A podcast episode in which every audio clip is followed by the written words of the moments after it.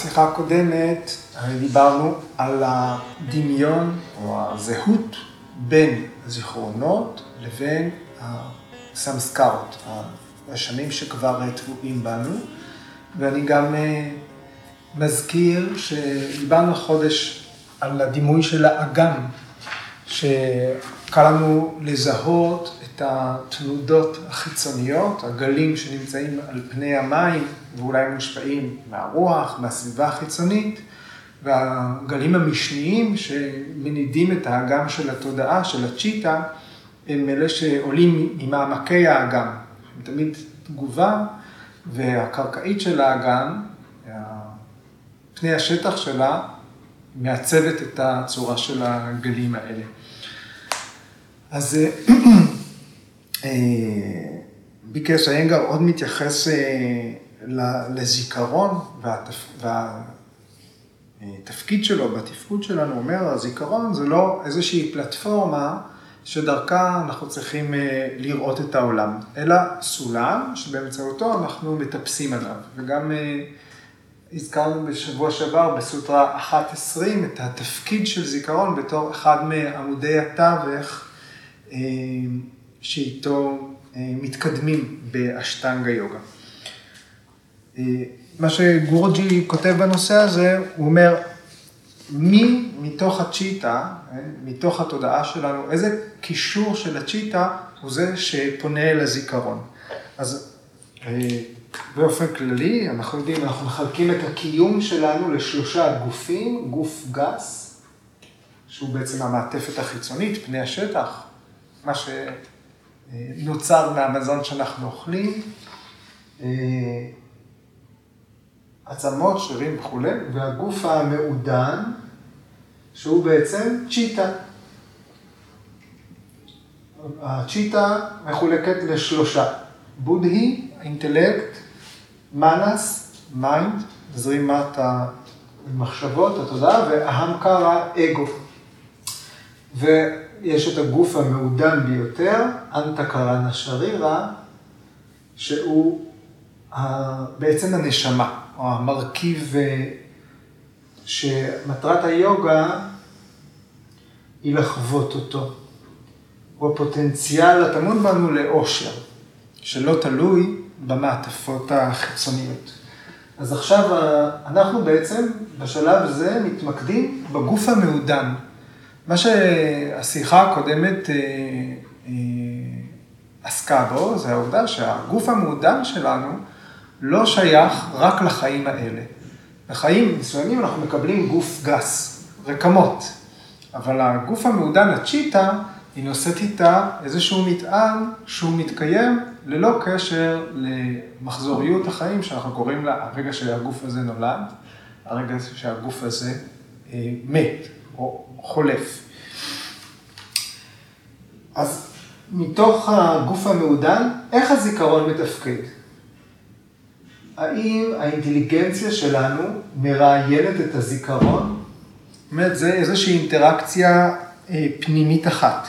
האינטליגנציה חוקרת את הזיכרון. האינטליגנציה יכולה להעמיק בהתבוננות שלה בזיכרון ולפענח כל מיני רצפים, להסיק מה היו ההשלכות של אירועים מסוימים בעבר, ולפי זה לתכנן את הפעולות הבאות. האינטליגנציה, באינטראקציה שלה עם זיכרון, היא יכולה אה, ליצור חיבורים שה mind לא יוצר בתפקוד שלו עם הזיכרון. כשהזיכרון וה mind מתפקדים, זה משהו אחר לגמרי. ה mind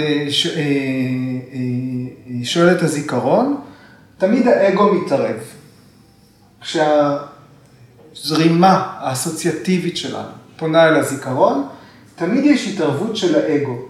תמיד הזהות העצמית שלנו, ההגדרה העצמית, הרכיב של הגנה על גבולות העצמי, תמיד נכנס אל האינטראקציה הזאת. ואז הטקסט הפנימי הוא תמיד, מה שפעם אהבתי, תנו לי יותר מזה. ולא משנה מה היו ההשלכות.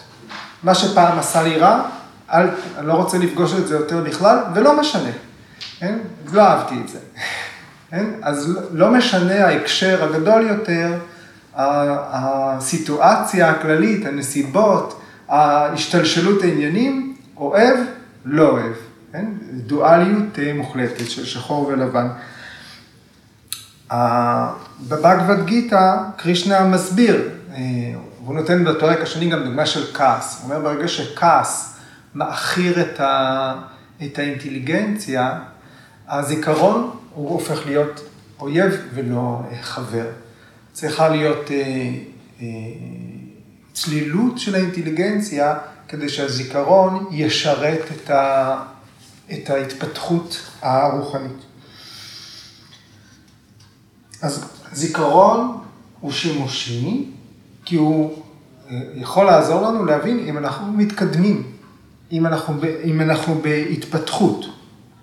זיכרון הוא חסר תועלת אם הוא מוביל אותנו רק כדי לחזור על העבר. אנחנו יכולים להגיד, יש שתי פנים, שני פנים ל, אה, לרכיב הזה של הזיכרון, של הזיכרון. אם יש חזרתיות, אז הזיכרון מאט את ההתפתחות שלנו, אם אנחנו נתקעים בתוך הרגלים, בתוך תבניתיות. אז uh, מה שביקר סנגר מעודד אותנו, זה להשתמש בחוויות האתמול כקרש קפיצה, כן? ולא בתור כבלים uh, שגורמים לנו רק לחזור על חוויות קודמות. אז לזיכרון יש יכולת, במילים שלו, לשעבד אותנו או לשחרר אותנו. כן? אם האינטליגנציה פעילה או המיינד פעיל. היום נסתכל על סוטרה 4.10. תסם אנא דיטבם צ'ה השישה ניטייטבת. אז מה זה המילים האלה? תסם זה של אלה. של אלה, והכוונה היא לזיכרונות. כי זה המשך של המשפט הקודם, הזיכרון והסמסקרות, יש להם זהות אחת, והם, אה, ויש, ולא משנה, לא מפרידים ביניהם לידה, אה, נסיבות, מקום או זמן. תעשם של אלה, של הזיכרונות האלה. אנא דיטבן, אז אה, זה לכם. טוון זה סיומת שתמיד מרמזת על אפיון, על תכונה, ואנדי זה ללא התחלה. ללא התחלה. אז נטולי התחלה. מתקיימים מאז ומתמיד מראשית הזמן. צ'ה, גם, גם, ואשישה, היא מילה שנתייחס אליה. השישה זה אה, הרצון לחיות, יצר החיים, לכן מדובר באיזשהו רצון קמאי, תפקוד חייתי, זוחלי, כן? אה, צורך קמאי. השישה.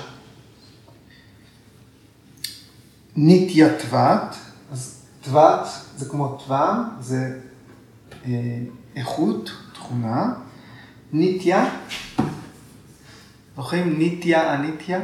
מי שבור לא מבדיל בין ניטיה ואניטיה. זה היה ההגדרה של אה, אבידיה.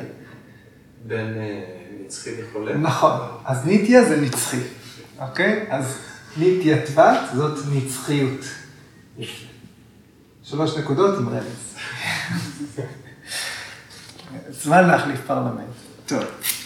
אה, אוקיי, אז מה שפטנג'לי כותב כאן, אומר, הוא מדבר על הרשמים, הזיכרונות, התשוקות, וסנות, זה היה הנושא שלנו. הוא אומר, הם התקיימו מאז ומתמיד. אין, אין, להם, אה, אין להם התחלה. אותן אלה, סמסקרות, סמריטי, וסנות, הם נטולי התחלה. וגם, אותו, באותו אופן, גם הרצון לחיות הוא נצחי. כמו הזיכרונות, הרשמים התת-הכרתיים והנטיות שהרשמים האלה מעלים בנו, וסנות, שהם כולם נטולי התחלה, גם הרצון לחיות הוא נצחי. אפשר כמובן להפוך את זה. היצר לחיות הוא נצחי, כמו הזיכרונות הרשמים התת-הכרתיים. אז השאלה שאיתה סיימנו בשבוע שעבר זה, רגע, מי אמר שבאמת היה, או מתי זה היה, שהייתי חתול בפעם הקודמת, אוקיי? אם אנחנו הולכים אל, ה, אל הרעיון של גלגולים. אז השאלה הזאת היא עולה, מתי הייתה הפעם הראשונה שהייתי בן אדם? מתי הפעם הראשונה שהפרושה הזאת תפסה צורה של פיל, אוקיי? אז התשובה היא כאן שהשאלה הזאת היא לא רלוונטית, בגלל שהכל חסר התחלה. הגלגולים האלה הם מתגלגלים מאז ומתמיד.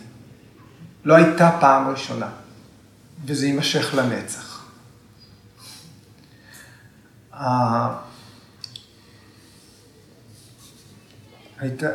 אני תמיד נזכר בדוגמה הנפלאה של ישעיהו ליבוביץ', שאמר שהמהות של המשיח זה שהוא יבוא. הקטע הזה אפילו היה ויראלי לדעתי באיזשהו שלב. המשיח יבוא. משיח שהגיע הוא לא משיח, אוקיי?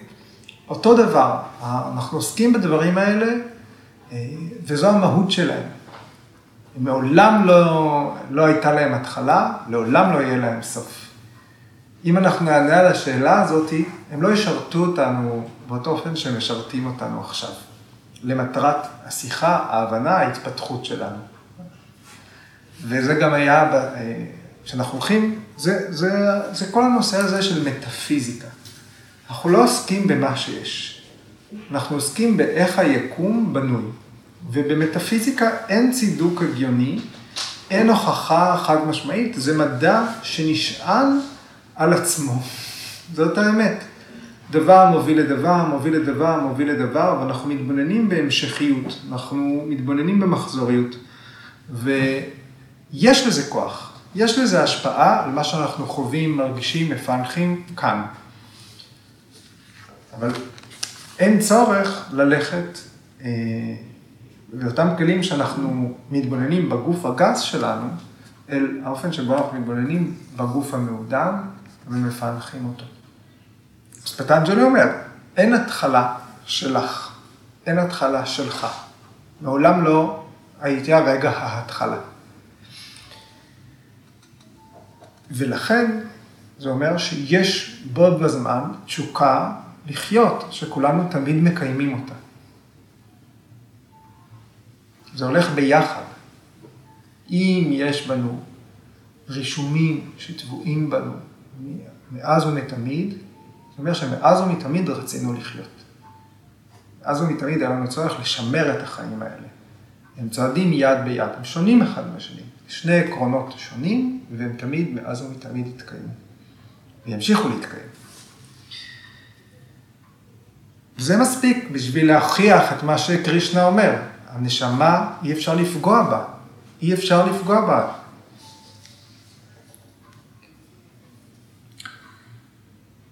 גם אדם שמוותר על הגוף הפיזי שלו, הנשמה שלו לא ויתרה. אי אפשר לפגוע בנשמה. שזאת הדוגמה הכי קיצונית שאני יכול לחשוב עליה בהקשר הזה.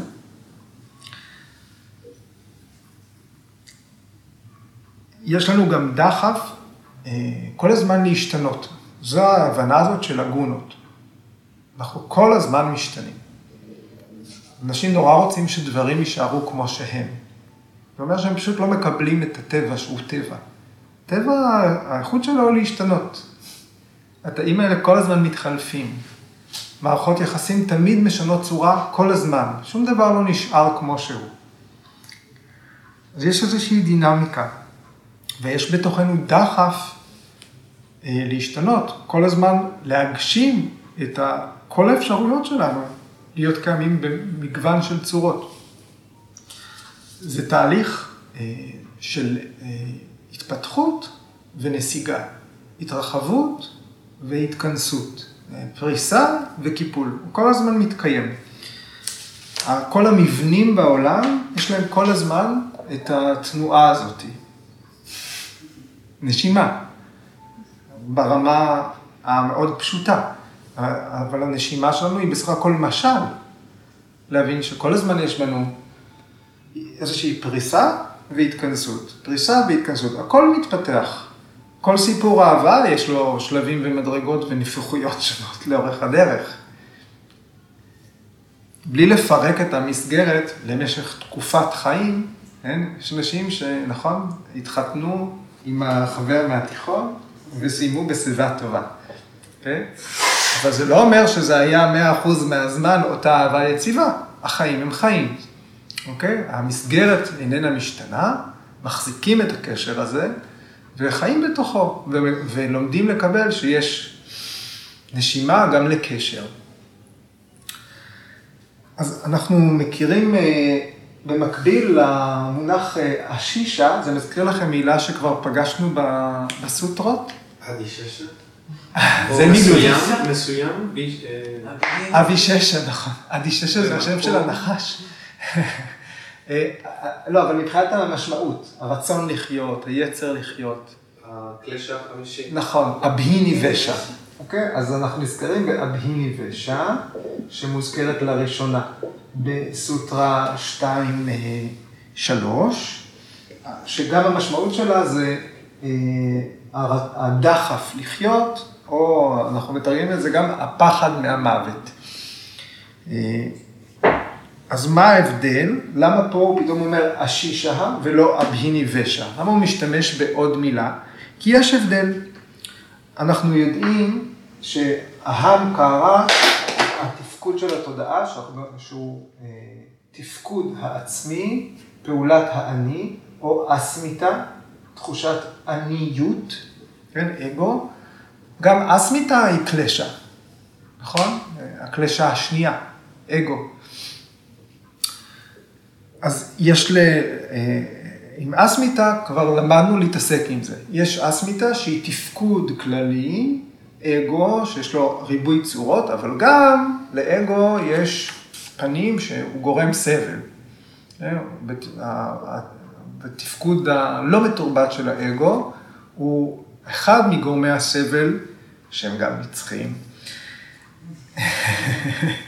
זאת אומרת, אבידיה בורות היא הקלשה הראשונה, היא גורם הסבל הראשון, היא העיקרית. וכל ארבעת גורמי הסבל הבאים, הסמיתה, רגה, דבשה, היקשרות וסלידה, ואבהיני ושע, הם כולם איזושהי התפתחות של בורות. כן? והם כולם נצחיים. אתם יכולים לחזור לסוטרות אה, מ-2-3 עד 9. אה, וכאן, אה, זה לא כתוב באופן ישיר, אבל זה כאילו, השישה, הרצון לחיות, הוא איזושהי סיבה, איזשהו גלגל שמגלגל את הנשמה שלנו בעולם, הרצון לחיות, וכל הזיכרונות, הסמסקרות, שהן סיבות לזיכרונות, כל אלה הן השלכות של הרצון לחיות. יש פה סיבה ותוצאה. אז פטנג'לי אומר, אוקיי, אין לזה התחלה, אבל יש לזה סיבה. הוא נותן לנו איזשהו אה, אה, הסבר אחר.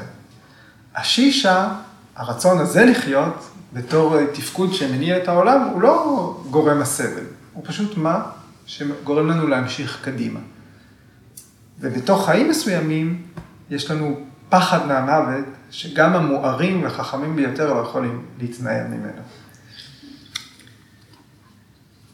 מה ויאסה אומר על זה? ויאסה אומר, הרצון לחיות הוא נצחי. כולם רוצים לא למות. הלוואי שאני לא אמות, הלוואי שאני אחיה. והוא מצטט אה, דוגמה של ילד מאוד צעיר, שמראה פחד אינסטינקטיבי מהמוות. אז אני מכניס את המילה אינסטינקט, אנחנו פוגשים אותה פעם ראשונה היום. אה, מישרה נותן דוגמה שהייתה בה פרשנות לאבהיניוושה, בפרק השני. בעצם זה מאוד מאוד דומה. אומר, אם ילד אה, קטן מרגיש שאימא עומדת להפיל אותו, התינוק יתפוס לה בשרשרת, אה, בלי לדעת כלום. אז איך זה שבאורגניזם כל כך צעיר, שעוד לא למד אף מילה, לא יודע כלום על העולם, יש כבר פחד. לא למות. הרי אם זה ידע, נכון, תקף, אמיתי, עדיף לי לא למות. אני רוצה להישאר בחיים. הוא קיים בתוך, אה, בתוך אה, תינוק. לפי פטנג'לי, ידע נכון פרמנה, הוא מגיע רק בשלוש דרכים. על ידי תפיסה ישירה, פרטיאקשה, על ידי היקש, אה, אנומנה, או על ידי עדות מאיזושהי סמכות, אגמה. איך הילד הזה? הוא לא פגש מוות, הוא לא אה, יכול להשיג שום דבר כזה, והוא גם אף אחד לא, הוא לא יודע מילים. איך זה שהוא יודע לתפוס את השרשרת של האימא כדי לא ליפול? אז הפחד הזה, אה, הוא חייב לנבוע ממשהו שכבר טבוע בו. המדע יכול לתת לזה כל מיני שמות. אינסטינקט אנחנו מקבלים, נדבר על מה זה אינסטינקט. אבל אה, הילד הזה, אנחנו מסכימים שהוא לא זוכר שום דבר חזותי שקשור במוות. הוא רק, אה, אה, יש איזושהי השפעה רדומה שקיימת בתוכו, וכשהתנאים החיצוניים מתאימים, היא מנצלת את הרגע וגורמת לו לתפוס את השרשרת כדי לא ליפול. יש בתוכו איזושהי הטבעה שהיא מספיקה כדי להזהיר אותו, כדי להציל אותו.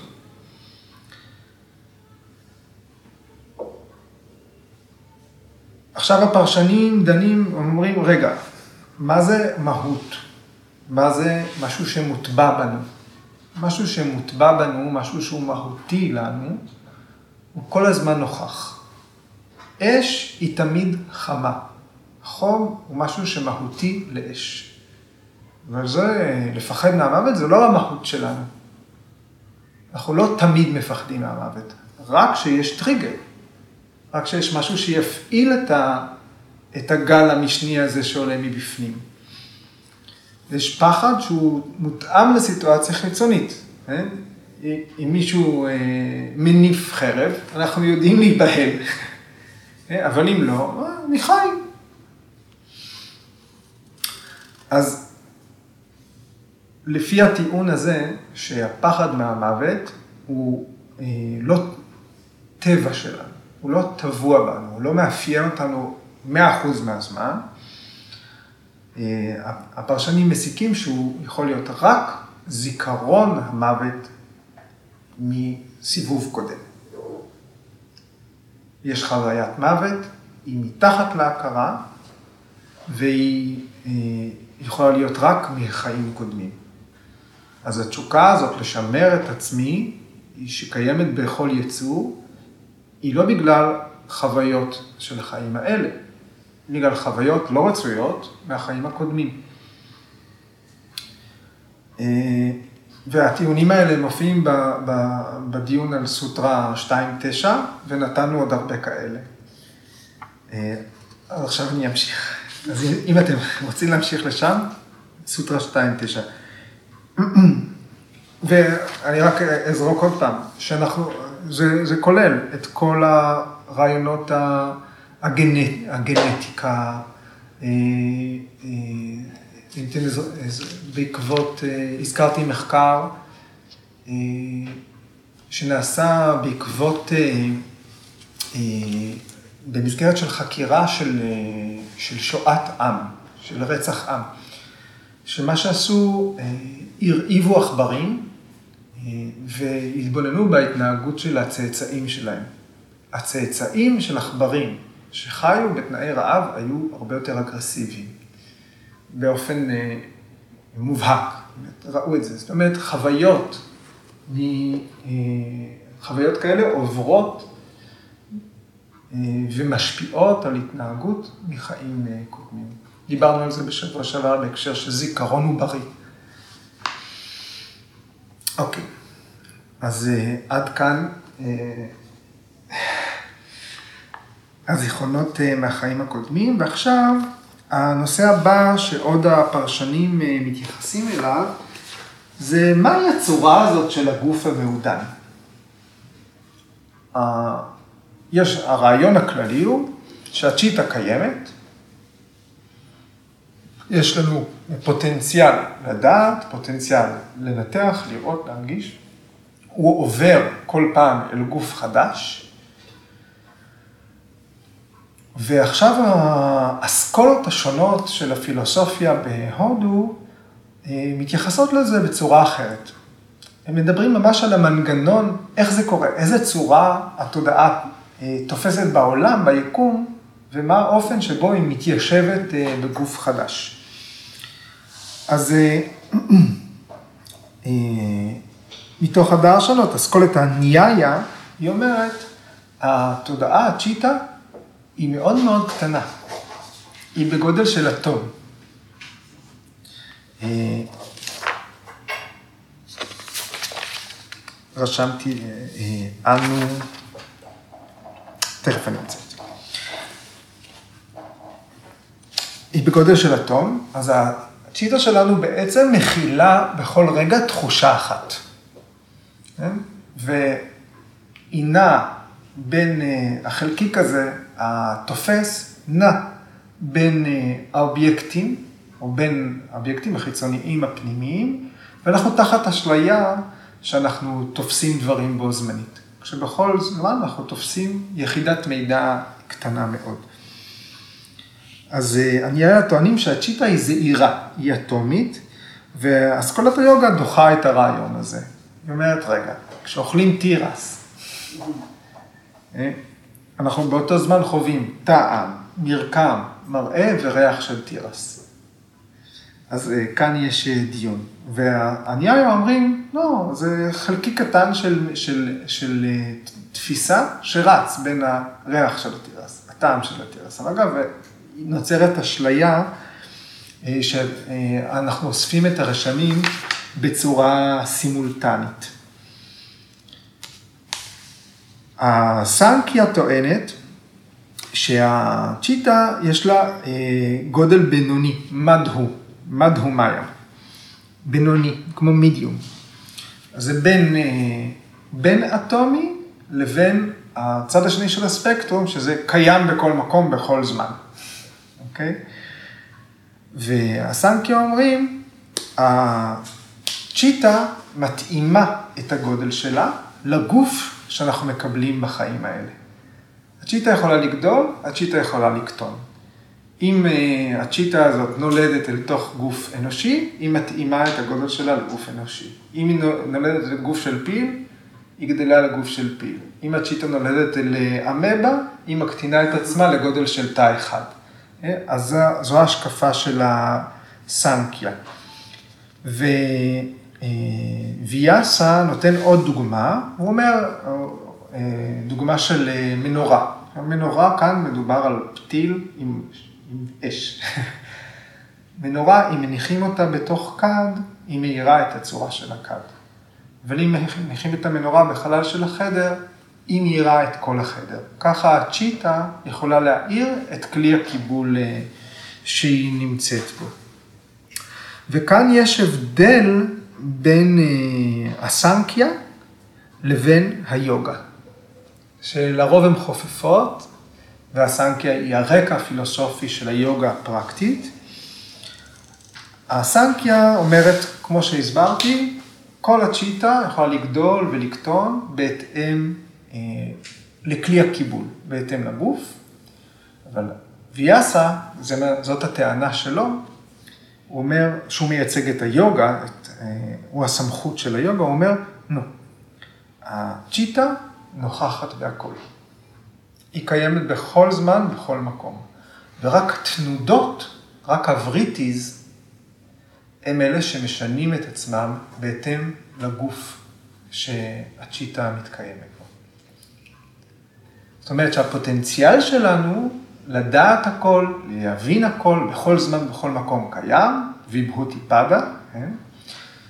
וכשאנחנו מוגבלים בזמן מסוים בחיים האלה, יש לנו איזושהי מגבלה ההמקרה, שגורמת לתנודות של התודעה לחוות רק את השטח הזה.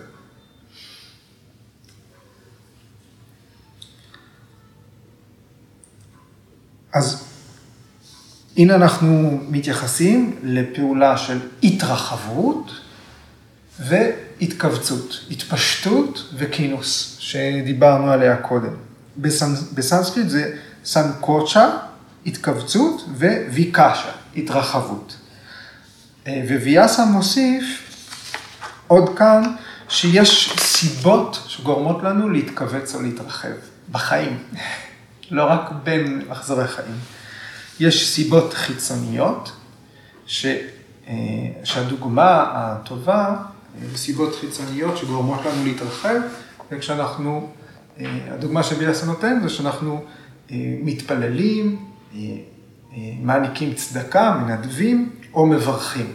אז הוא נותן את שלוש הפעולות האלה בתור דוגמה למעשים שגורמים לתודעה שלנו להתרחב.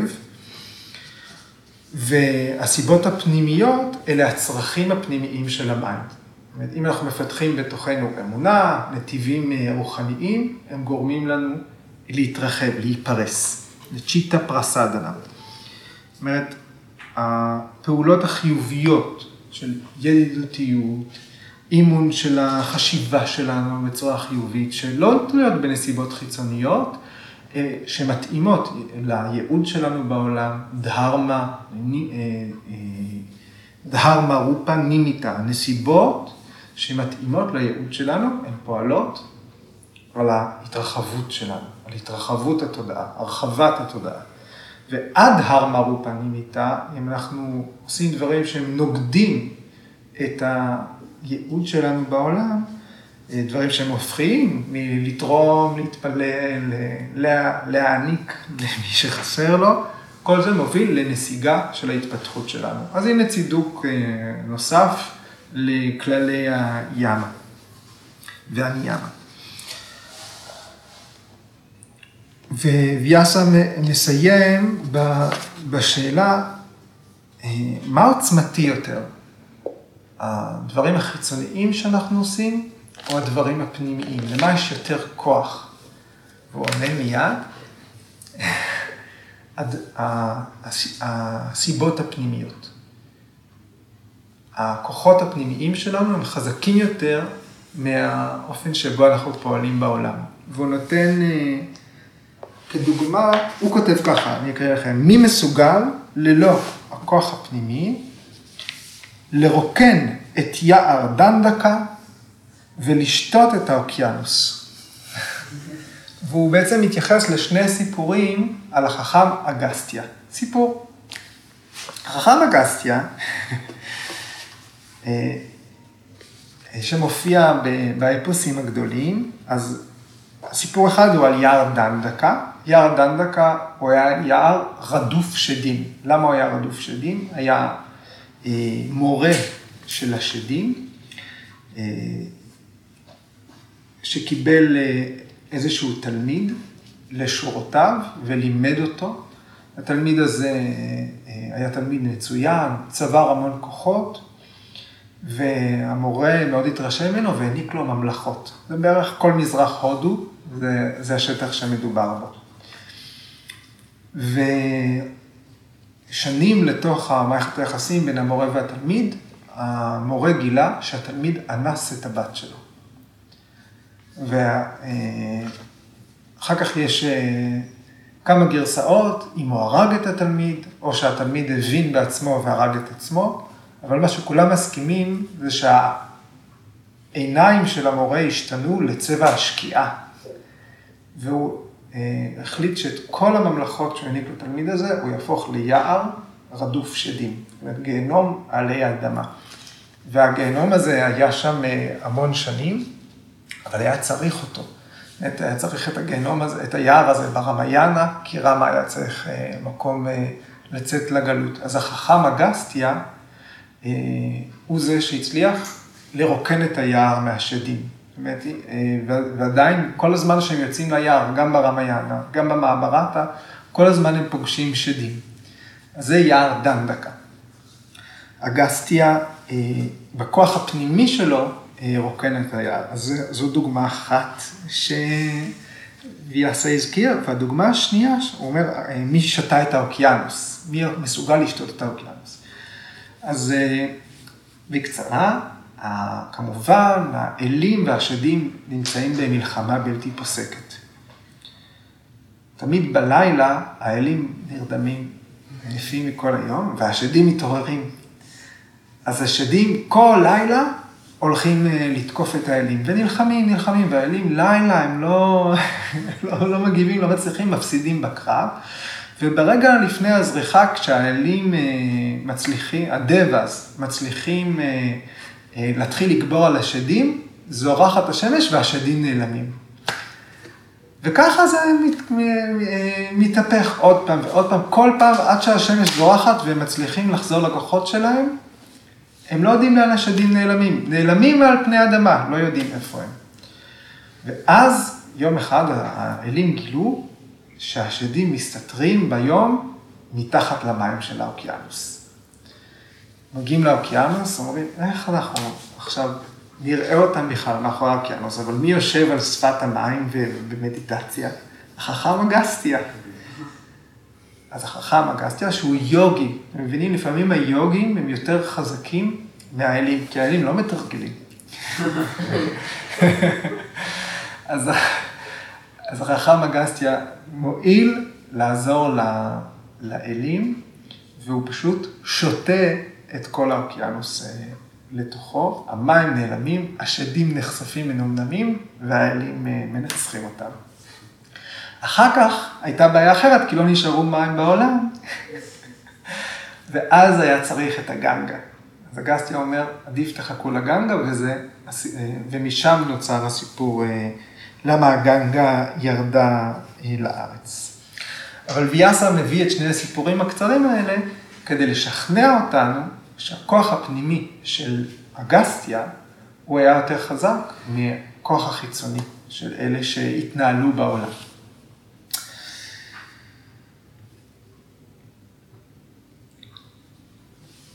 אז הנושא שלנו, ב... ברגע, בעצם מה שאנחנו לומדים מהדיון הזה, על, ה... על איך הצ'יטה עוברת מגוף לגוף, בעצם זה לא שיש לפי הגישה של היוגה, זה לא שיש נשמה והיא נודדת בעולם אה, חסרת גוף עד שהיא מוצאת גוף חדש. כן? הצ'יטה כבר נוכחת בכל מקום. היא קיימת בכל מקום. הצ'יטה שמכילה את פורושה, כן? כי הגוף המעודן ביותר הוא בתוך הגוף המעודן. היא לא יכולה לעבור מכל מקום, ממקום למקום. היא בכל מקום. אז ברגע המוות, הצ'יטה שמצויה בהכל, היא פשוט מתאימה את התנודות שלה לגוף חדש. במקום שהיא תנדנד את זה, היא מנדנדת את זה. היא לא עוברת, היא בכל מקום. זאת הגישה. הכל בכל מקום. באותו זמן. אז מה לגבי הזיכרון שקיים בגוף? ביקסנקר שואל, מה לגבי הזיכרון שקיים בגוף? אמרנו, לזיכרון המנטלי שלנו יש יכולת לשעבד אותנו או לשחרר אותנו. האם גם לזיכרון גופני יש יכולת כזאת. אז כאן, אתם זוכרים, דיברנו על האינטראקציה בין בודהי וזיכרון, אינטליגנציה וזיכרון. לכן אנחנו עובדים באסנה כדי שהאינטליגנציה תתעורר בכל תא ותא. בפוטנציאל, בפוטנציאל, הצ'יטה, התודעה שלנו היא נוכחת בכל תא בגוף. אבל רובנו, או רוב התאים שלנו, הם מצויים בקומה, הם בתרדמת. אנחנו חיים, אבל אנחנו לא ערים בכל מקום שאנחנו כולנו נסכים שאנחנו יכולים להרגיש ולהיות בו. מערכת העצבים שלנו, היא מגיעה לכל תא בגוף. איפה שיש עצבים, יש mind. יש פוטנציאל להרגיש, יש פוטנציאל להיות שם. איפה שיש mind, יש גם זיכרון. כל פעולה שאנחנו חוזרים אליה, היא תלויה בזיכרונות האלה. כן? אה, גורג'י נותן דוגמה, קדר, קרמיקה. זיכרון של קדר הוא בידיים שלו. כשאנחנו נוהגים עוד פעם באותה דרך כל יום, אנחנו לא צריכים לזכור כל באמפ בכביש. אנחנו פשוט עושים את זה. יכול, באמת, הבמפרים על שדרות חן, אני זוכר אותם, אני לא כל פעם מסתכל עם האופניים, איפה צריך לעקוף את הבור ומאיפה הכי כדאי לעבור את המעבר חצייה. עושים ככה, נכון? בבית חדש, אנחנו ישנים בבית זר, אנחנו לא יודעים איפה האור, פתאום אנחנו צריכים לחשוב על זה. בבית שלנו זה אוטומטי, אנחנו עושים ככה, אנחנו לא מסתכלים בחושך, אנחנו עושים ככה. עכשיו, כמו שהזיכרון התאי הזה, אנחנו רואים, יש פוטנציאל האינטליגנציה לגעת פה, אבל יש גם פוטנציאל שהוא יהיה שלילי, שהמיינד שלנו יפעיל אותו. ואז עולה האגו ואומר, את זה אני רוצה, את זה אני לא רוצה. כן?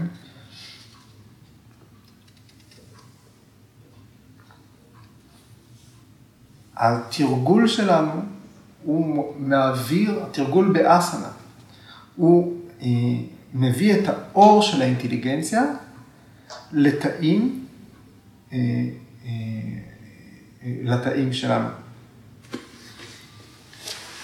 ומעלים את השליליות, זאת הנקודה. כשיש מתיחה, המתיחה מוליכה את הפעילות העצבית מהליבה אל הפריפריה, היא גם מחזקת את מערכת העצבים, מתיחה גם מרגיעה את מערכת העצבים. והמודעות מתפשטת דרך כל המוליכים העצביים האלה, דרך הנאדים.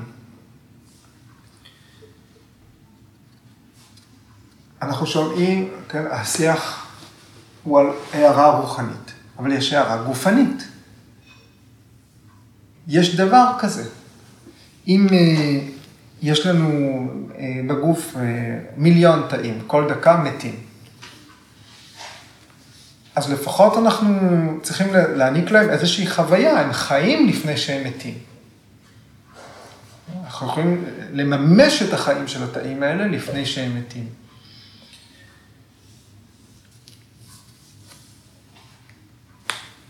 אינסטינקט זה התפקוד של זיכרון ו mind. זיכרון ו mind זה אינסטינקט. יש אה, אה, תפקוד בהקשר חיובי או שלילי, שהוא רק לפי העבר. רק למען שימור של החיים. אבל גם זה יכול להיות הרס של החיים.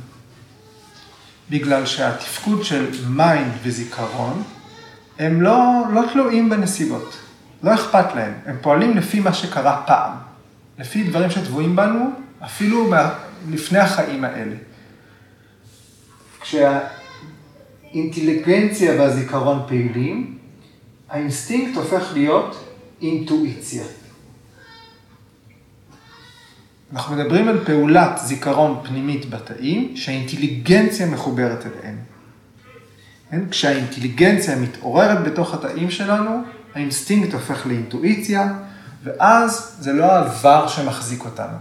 כי כשהעבר מחזיק אותנו, הוא חורץ, הוא שחור ולבן, והאינטליגנציה שלנו יודעת לעבד תהליכים, נסיבות, השלכות, רצפים. אנחנו, באמצעות אינטואיציה, אנחנו יכולים לדעת מה אנחנו צריכים בשביל להמשיך הלאה, בשביל עתיד, בשביל להתפתח, בשביל להיפרס. זיכרון ברמת תא בשירות האינטליגנציה הוא אינטואיציה. זיכרון ברמת התא בשירות ה mind הוא אינסטינקט. אפילו, אה, גורג'י אפילו מדבר על זה שכשאנחנו אה, עושים את זה בצורה אה, שיטתית, יש התבוננות מדעית בזיכרון של התאים שלנו, אקדמית. לרגע אנחנו מנותקים מהרגשות. אנחנו מותחים. יכול להיות שהרגל תגיד, לא, אני לא, אני לא אוהבת להימתח, כן? זה רע לי, זה כאב, כן? אבל האינטליגנציה יכולה לקחת קדימה. זאת אומרת, צריך לפעמים, האינטליגנציה יכולה להיות כמו סכין מנתחים. לקחת את זה אה, קדימה. אה,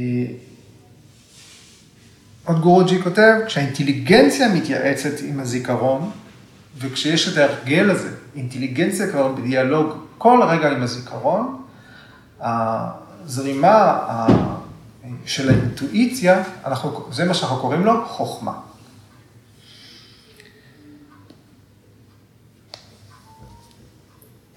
והדבר הנוסף הוא שכשהזיכרון משפיע על החיים שלנו באופן שאנחנו לא מודעים אליו, זה האופן שבו הוא משפיע, על האופן שאנחנו תופסים את הסביבה. שהזיכרון שלנו משמש כפילטר, הוא יושב על האופן שבו אנחנו תופסים. אז יש לנו בקרקעית של האגם תלוליות שהן הכל שיפוט מקדים, דעה קדומה שלנו על הסביבה שלנו. מול משהו חדש שאנחנו רואים, אנחנו ממקמים איזשהו ערך ישן, ולפי זה אנחנו שופטים אותו, יכול להיות שבצורה מעוותת, כי אנחנו לא מעדכנים את התוכנה. ואז השיפוט המקדים הזה הוא הופך להיות גם העתיד שלנו, כי אנחנו פשוט ממשיכים עם המסלול של ההרגלים. זאת אומרת, מי שחושב שאסור אה, לבטוח באף אדם זר, סביר להניח שהוא יפגוש רק אנשים זרים שאי אפשר לבטוח בהם. לא בגלל שהוא לא יפגוש אחרים, אלא בגלל שהוא יפספס אותם. אם זה לא מתאים לדעות הקדומות, זה לא ייתפס. הרי אנחנו תופסים הרבה יותר מידע מהמידע שאנחנו יכולים להכיל. אם אנחנו תופסים רק לפי מה שאנחנו כבר זוכרים, מה שכבר טבוע בנו, אנחנו פשוט לא שמים לב לדברים האחרים. וזה מה שקוראים לו תפיסה שגויה ויפריאיה, ה vritti השני. אנחנו חיים ב viparyaya, ומאוד מאוד קשה להיפרד מזה. אוקיי. זה מה שהיה לי להגיד.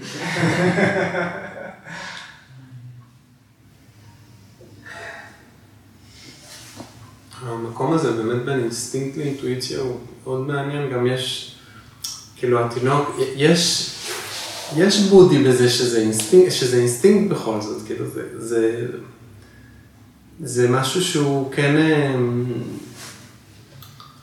שאולי כן בא מקודם, אמרת שאינטואיציה זה כשה buddhi אה, מתערב, כשה buddhi נכנס אז זה כבר הופך להיות משהו לא רק אה, אינסטינקטיבי, משהו, אה, כן, קרקעי, משהו... אבל כן יש בודי גם בזה שתינוק, גם אם הוא לא יודע, אז... אז זה לא הבודי שלו, הוא לא עשה החלטה אינטלקטואלית לתפוס את השרשרת. משהו בתוכו התעורר, ואמר, אתה, והגוף הרגיש נשמט. אז היד תופסת את השרשרת, זה בכלל לא מגיע למוח.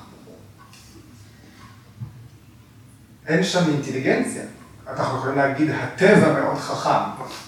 המערכת שמובילה, אנחנו רואים פה פעולה שהיקום, כוח החיים, יודע לעבור אפילו אל תינוק שלא למד עדיין כלום, אבל האינטלקט של התינוק עוד לא בפעולה.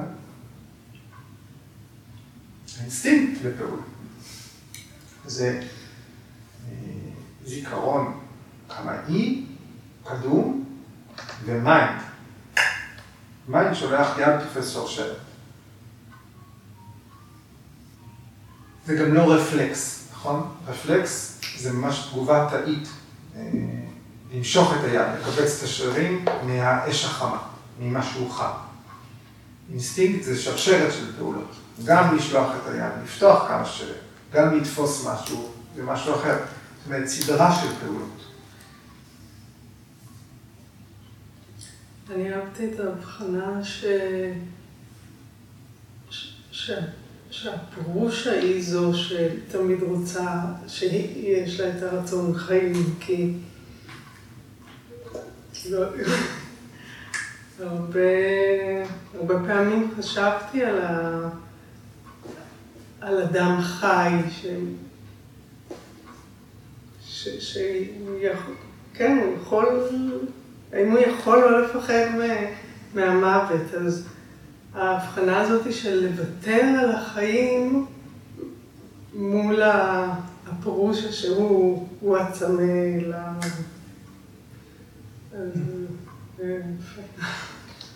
אני חייב להיכנס במונחים. פורושה לא רוצה כלום. כן, אבל... הצ'יטה. הצ'יטה. הקיום כן, של... כן, כן. היצר לחיות הוא בצ'יטה. כן. יש משהו גם בזיכרון של, של מוות כמשהו שלילי שעובר, שזה רק מוכיח את זה שזהו, עוד לא השתחררנו, עדיין לא היינו יוגים מושלמים, שזה, כי אז אולי הזיכרון של מוות אולי היה משהו חיובי, כן? אה, גם פה אנחנו, אני אדייק. וכאן נכנסת הסודרה, גם המוארים, גם החכמים, גם האנשים שנולדו לחיים שבהם הם הולכים להשתחרר בסייקל הזה, היוגי נמצא בשקט המוחלט והוא הולך להגיע למוקשה בחיים האלה. גם בחיים האלה יש בו אבהים ושם. לכולם יש את חוויית המוות הזאת. גם בחכמים ביותר. אין אדם שתופס את המוות כמשהו רצוי. אין כזה דבר. זה אקסיומה. פטנג'לי כותב את זה בפירוש. אין. תמיד, גם על סף ההערה, אה, יש אה, סנסקרות. והיא אחת מהן, כי זה, זה בדיוק מה שעובר על כולם. כולם, לא חשוב מה הם עשו בחיים אז את זה אין לנו מה לחפש. על אותו משקל של הדברים שאין להם התחלה ואין להם סוף, אין חיים שאין בהם השישה, שאין בהם את הרצון לחיות. וזה מאוד טבעי שאנחנו נרצה שדבר כזה יקרה, כי זה גורם לנו גם סבל. אוקיי, וזה מסיים להיום. Vamos lá? Vamos lá.